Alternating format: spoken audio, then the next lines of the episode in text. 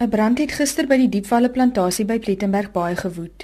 Die brandweerhoof Joseph Johnson sê helikopters het ook bystand gebied om die brand te probeer blus. Hy sê in die res van die streek is brandbestryders hoofsaaklik nou besig met opruimingswerk.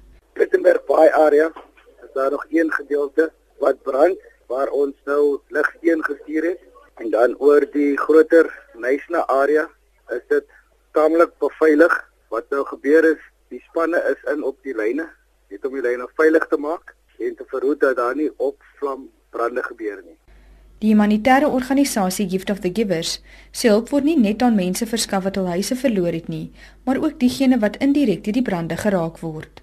Die organisasie se koördineerder by Nysna, Ahmed Bam, sê hulle gaan voort om kos, water, klere, toiletware en ander benodighede aan inwoners te versprei wat dakloos gelaat is.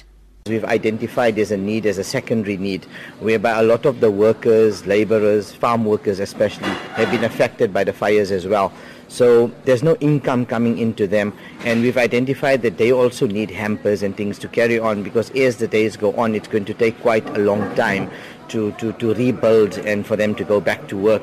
Relief aid is continuously coming into Naisna at the moment. We're receiving close to six to seven interlink trucks today. Die Weskaapse minister van behuising Bonginkosi Madikizela sê daar is planne in plek vir die inwoners van informele nedersettings soos White Location wat dakloos gelaat is. Hy sê die planne sal eers met die inwoners bespreek word. Whether we are going to bring these people again back to shacks or we are going to formalize this area so that they come back, you know, um, under better conditions. We have to discuss that with people, of course, because formalizing the area, you know, take a bit of time. But there is an area that has been identified, you know, to relocate them temporarily while we formalize this area. But I mean, preferably from our side, is to just put services here and make sure that people are resettled here permanently. Nysna Toerisme sê besoekers moenie deur die omvang van die brande afgeskrik word nie. Die dorp se jaarlikse oesterfees gaan steeds volgende maand van die 7de tot die 16de voort met 'n fokus op fondsinsameling vir die Nysna brandverligting program. Die uitvoerende hoof van Nysna en Vennote, Greg Woogd, there are um, a small proportion of our total bed nights have been affected.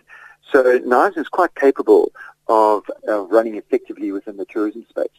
Um, our Oyster Festival is um, a go and planning around moving those tourists going to those tourism facilities that have already been booked to other availability is in process. Dit was die uitvoerende hoof van Nysna en Vennote, Greg Woogd. Ek is Tanya Krause op George.